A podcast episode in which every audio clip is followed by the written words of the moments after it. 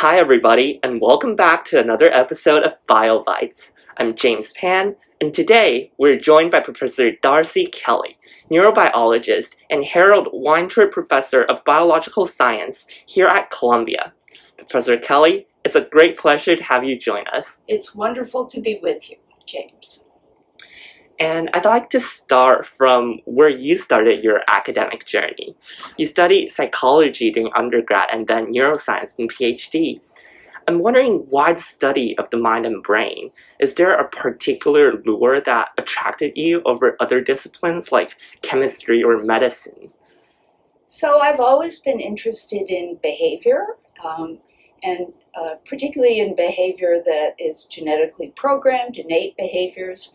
It really affords a window into the into what we are as humans or what we were you know in our remote evolutionary past but i think really i was drawn to studying brain and behavior because of a love of animals. I mm-hmm. started out being absolutely entranced by bats and how they picture paint a picture of the world in sound. And eventually uh, that extended to other kinds of animals, frogs and birds and so forth. And animals have the most amazing abilities. Some of them do things that we can't do, like bats echolocate and birds produce these beautiful songs, and uh, even the frogs produce songs underwater. Um, so it really, really was the desire to understand the very diverse kinds of behaviors that can be produced by the body and the brain that brought me into neuroscience. That is really great. And you studied bats, then you studied birds, but now you're studying Xenopus. And I'm wondering, like, is something special about the Xenopus species? Why did you choose to ultimately focus on Xenopus? Like, uh, having studied all other model species? Well, it, it all basically depends on what level you want to work on.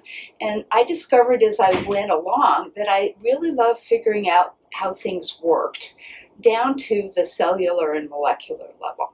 And so some animals have great behaviors and you can learn something about their nervous system, but they're very fragile.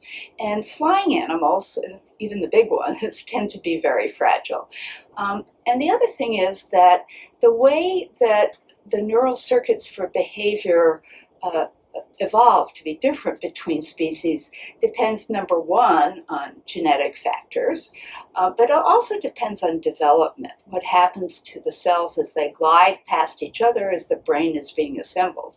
And Xenopus is a wonderful, wonderful species for development because tadpoles aren't inside an egg, they're not inside the womb, um, they're swimming right there in front of you, they're transparent.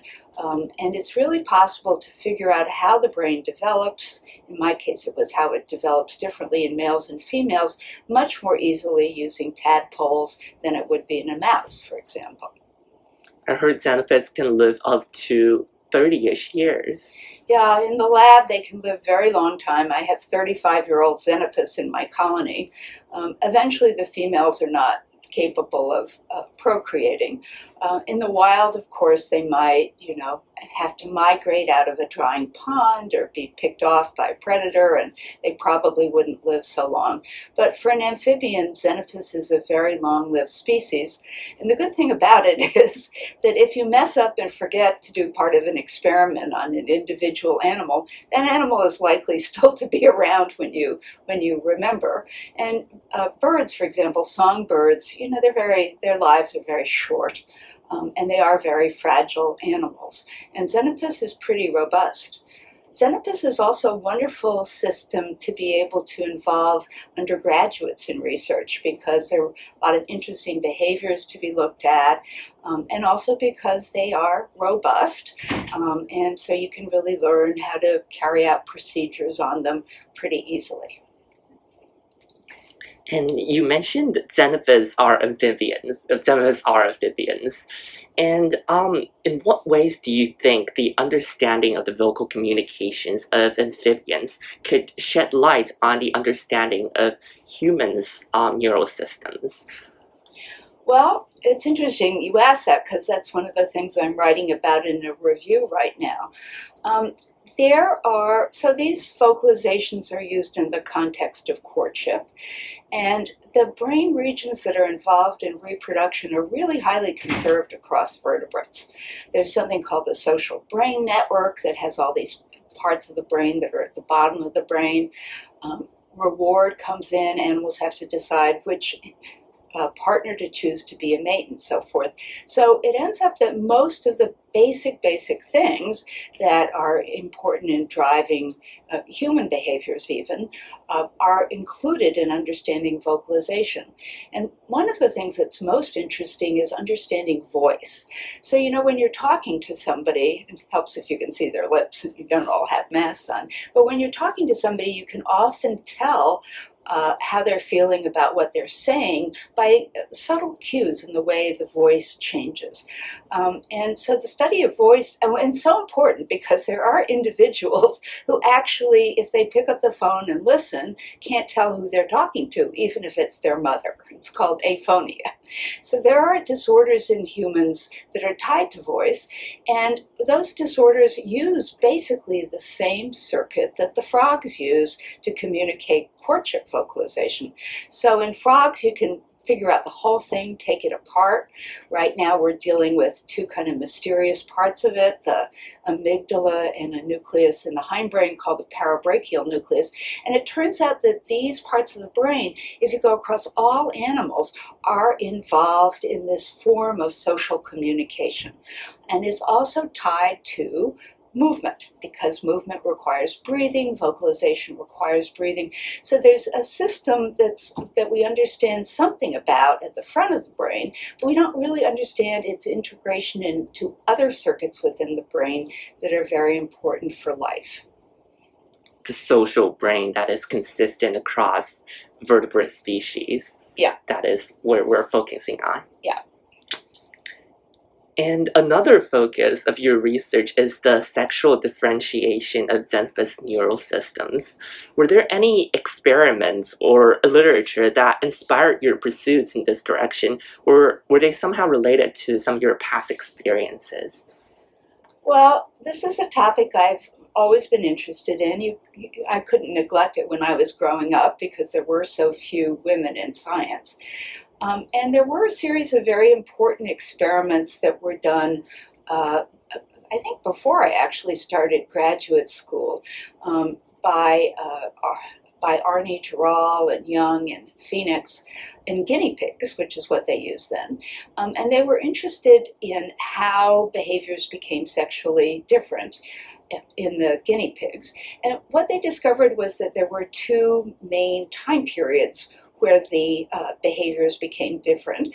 One was while the animal was uh, growing up, right after birth, typically, and sometimes right before birth, and then later on at puberty. And they had the idea that, first of all, this was regulated by hormones that were being secreted by the gonads, and secondly, that the action of hormones early in development produced permanent changes in the brain, and then in adulthood, in animals that are seasonal, those circuits would then be activated in a seasonal way by the same hormones uh, at a different time. So this was while I was while I was first doing research, uh, a really important framework for everybody thinking about the way sexual differentiation came about. That it was due to these hormonally regulated processes, and it's interesting because nowadays when people have the ability to access specific kinds of neurons that express the receptors for those hormones, um, they've tended to neglect the hormones themselves. so they just use use those as markers for being able to turn on the behavior. But the behavior is normally turned on by exposure to hormones. So that's the other part that has to be studied now. Hormones are like the it used to be the study of hormones and now it's the study of receptors? Well, so it turns out that modern techniques um, have allowed us to gain a profile at the molecular level for single neurons. It's called single cell transcriptomics. So if you take a region at the bottom of the brain, the hypothalamus, the preoptic area, it's full of these little tiny cells, and they all look alike. But it turns out that if you were to gather up a single cell or be able to go gather up all the cells and ask which genes they express and you know which which of those mRNAs are turned into proteins, which is what transcriptomic is, that you would find out that many of these cells have identities that are different from other cells and that they form little clusters. So there's a bunch that express at gene A and gene B, and another bunch that express gene A and gene C, and so forth.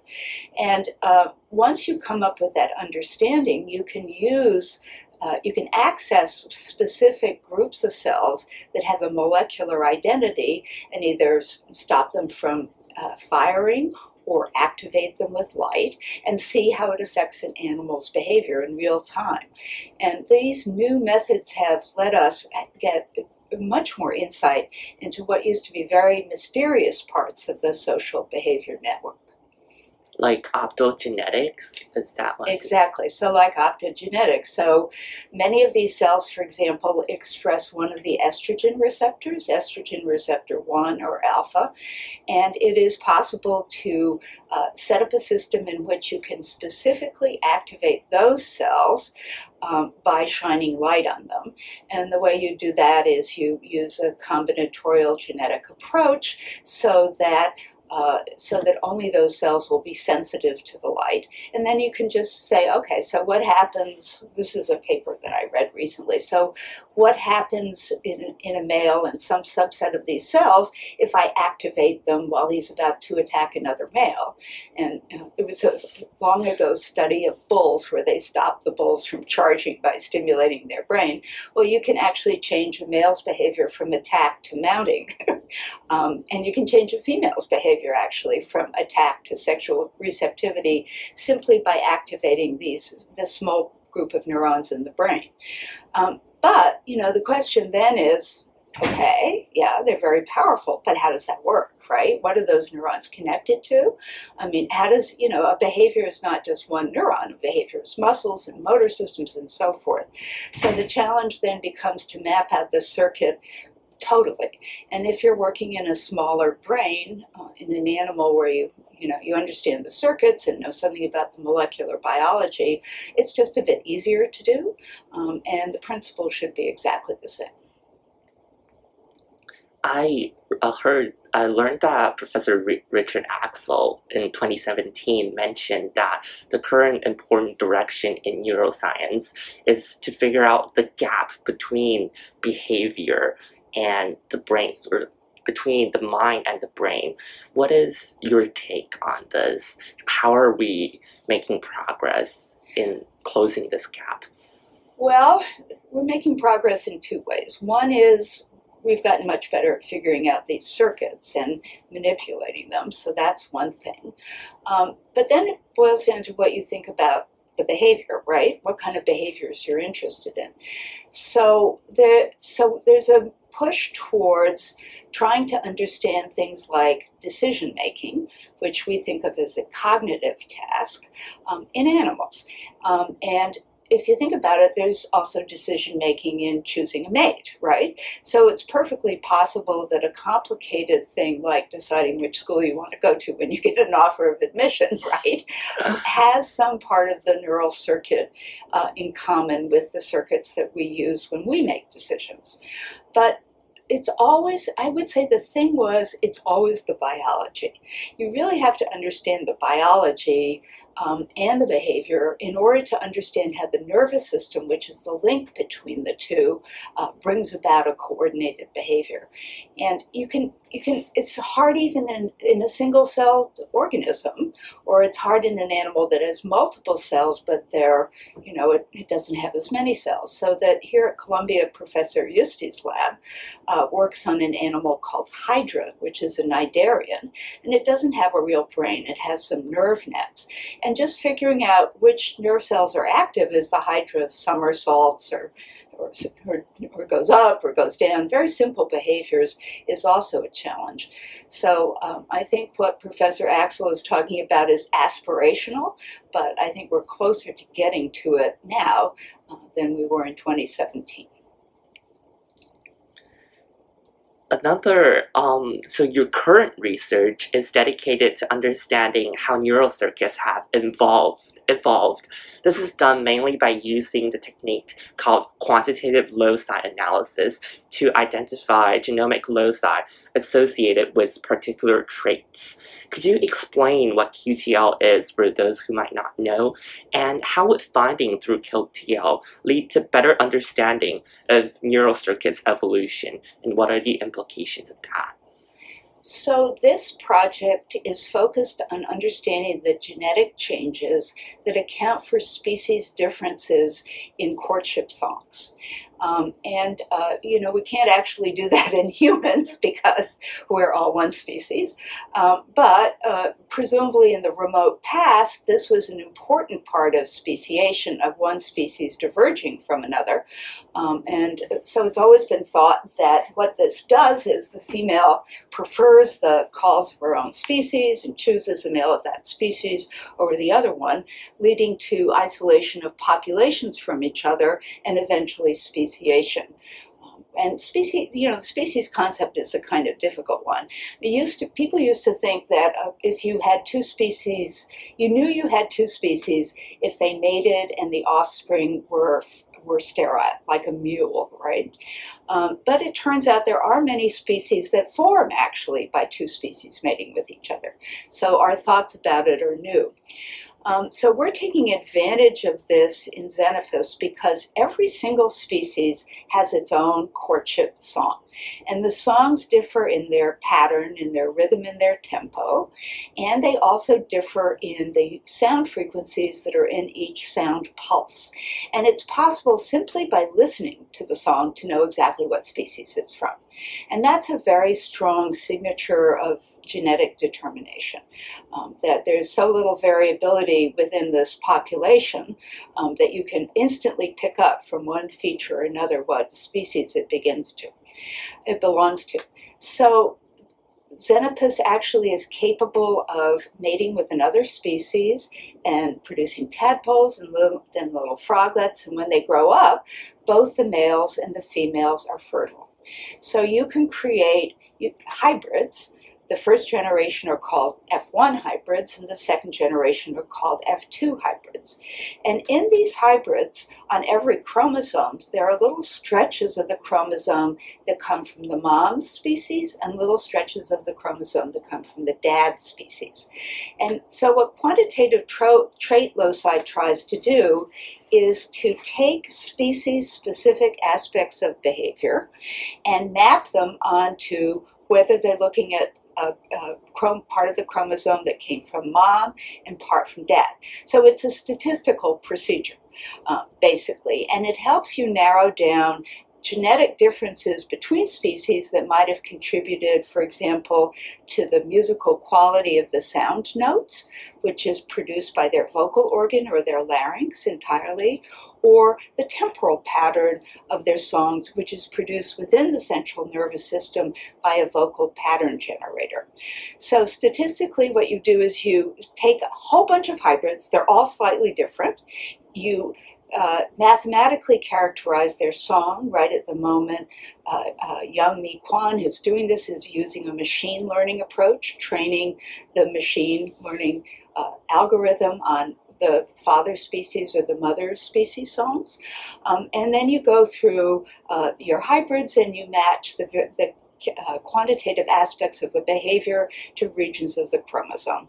And this is actually pretty common. It's sort of like a genome wide association study in humans. It's not exactly the same thing, but where you p- pick out variants that seem to be correlated with so- whether somebody has a disease or not. Here you're picking out regions of the chromosome that are correlated with the sound tempo or the uh, or the spectral qualities, the harmonic qualities of the sound pulses. And how would understanding the spectral qualities, like uh, like the different traits on the chromosomes, um, help us better understand the evolution of Xenopus species? So, Xenopus has this really interesting characteristic. It, it was evolutionarily it, it is derived from frogs that lived in the air. And you know most frogs uh, sing the males sing in the beginning of the courtship season. Here it would be the spring. I heard some singing recently. Now that it's snowing maybe they're not singing anymore um, and uh, what frogs do and what we do and what birds do is we push air over our glottal folds or a vibrating membrane of some sort um, to create a basic sound, and that's then shaped by the vocal tract. That's the way we do it. Birds do it with a different organ. They have a novel evolutionary organ called the syrinx. Xenopus also does it with his larynx, as, as do we and all frogs. But at some point in their evolutionary history, let's say about 150 million years ago, Xenopus went back to the water from the land, but it still carried with it this basic uh, reproductive system of singing uh, during courtship, uh, bringing females to the males. They can't see very well underwater. And it had to come up with a way of creating sounds without moving air. Um, so we discovered this a long time ago, although we didn't know how it worked, because you can take the vocal organ out of the frog and electrically stimulate the nerves, and the vocal organ sings in the dish right in front of you. So it's capable of making sounds without pushing air in or out. So a few years ago, a Columbia undergraduate in the lab um, helped us do experiments on how they created these sounds. And what we did was we uh, took the larynx out of the frog from all these different species, and we discovered that the sounds that the larynges made were just the same when the nerves were stimulated as when the animals were behaving. So we had this whole group of species, and then we went in and tried to see what it was that created the the uh, harmonic qualities of the song. And it's funny because the uh, if you look at the groups, and this was a music major, Ursula Kwong Brown, she looked up from her lab bench one morning and said, "Why is that song singing a perfect? Why is that frog singing a perfect fourth? Um, and so these have musical qualities because they're combinations of integral multiples of the lowest frequency. Okay, so we're interested in what characteristics it is of the vocal organ that allows it to produce these these musical songs. And so, right at the moment, we're starting a project in which we're going to use modern methods, including uh, micro uh, CT scanning, computerized tomography scanning, so you can look at the tissues and see what they're like across species. And we're also going to see if we can use micro functional resonance imaging to watch the larynx in action while the animals are singing. And what we suspect from Ursula's experiments is that this membrane within the larynx that vibrates, these elastic sheets of cartilage that are that are vibratory, that they are in fact responsible for the two sounds, in which case we should actually be able to see the two frequencies being produced in real time in an animal as it sings, or hopefully sings, uh, while it's being scanned. So this is this is going to be a challenge to make the frog happy enough to be, you know, pr- to sing while it's in the scanner. But we're thinking about uh, ways to make animals burst out in joyous noise. That'll certainly be a challenge, but worthwhile. And outside of research, you have dedicated a great deal of energy to undergraduate education in creating Columbia's Frontiers of Science courses, for example. And could you give any advice for students who are just starting out to get involved in research for the first time? And how would your advice change for students who have done research for a few years and are looking to reach a higher level of proficiency of professional research career? Well, so there are really two things I think. So the first thing is um, you, you really should read as widely as possible because, you know, some people everybody has a different passion to know the answer to a question. And if you want to be a scientist and you think that it's, you know, this would be a really good experience for you, the first thing you have to figure out is what you personally are interested in. So, I mean, I started out by being interested in uh, how sex behaviors uh, become different in males and females, and I'm still interested in that, but I've kind of moved on from there. But you have to have some initial point of entry into the system, right? So reading helps. You have to decide what kind of science you like. Frontiers of Science will help you decide that because you get exposed to a number of different sciences. And then after that, it's just a matter of finding somebody um, who themselves were turned on to science as an undergraduate and who welcomes undergraduates into the lab. Um, and so that's possible here at Columbia. We have a summer undergraduate research fellowship program, and it's, you know, really it's a matter of reaching out. Um, it really helps before you go to a lab to go read the papers. um, people generally have them up on their website and see what they're working, if what they're working on is interesting to you. Um, and beyond that, you know, you're going to spend some time in the lab as an apprentice doing kind of routine chores. Um, but you'll go to lab meetings and you'll learn about the projects in the lab. And then eventually you should be able to get to the point where you can carry out an independent project. And that project really should be yours. You may have been helping a graduate student or postdoc as you went along, but at this point you you know you're going to have to bring your own creativity to bear. And that that desire to to find out things that nobody ever knew before um, that come from your idea, that is the hallmark of somebody really who should go on in science and who will make a contribution. So this may take a whole bunch of emails to people.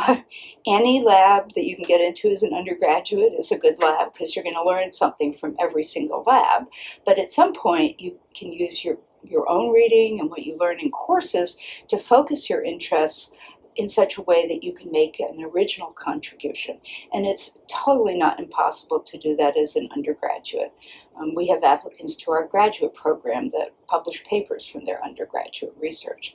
Um, I think it's easier, to be honest, at a small liberal arts school where you're the only researcher um, than it is at a big research university where there are also graduate students and postdocs.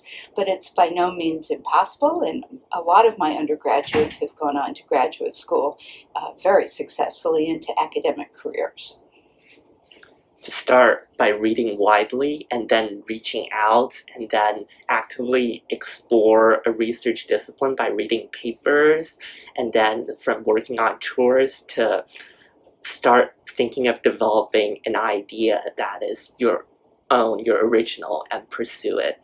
And if that excites you, it would sort of lure one to pursue further graduate level studies. Right, right.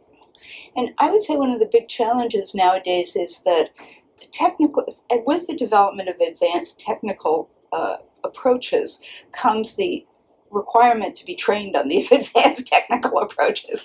So, so really, the best kind of experiment that you can do is something that doesn't require learning how to, oh, I don't know. Uh, how to shine a how to record from neurons in the hypothalamus using a grin lens in a mouse right? Because you know having just said that you get these huge data sets and then you have to analyze them and so forth and the surgery is very complicated and all of that. Sometimes the simplest experiments are best.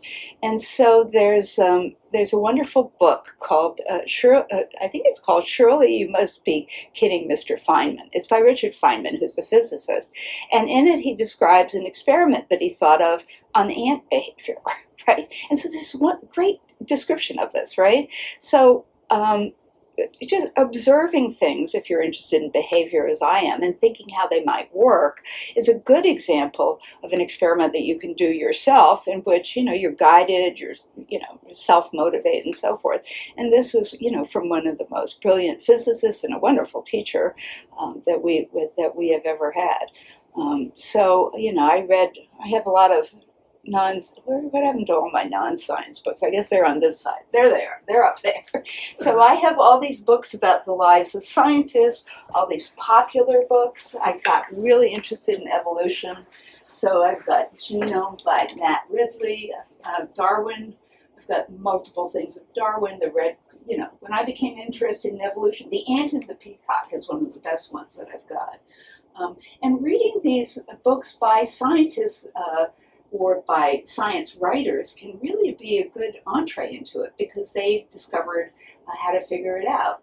Um, and then, you know, down here are the more, you know, textbooky things, right? But these are the inspiration, these books up at the top.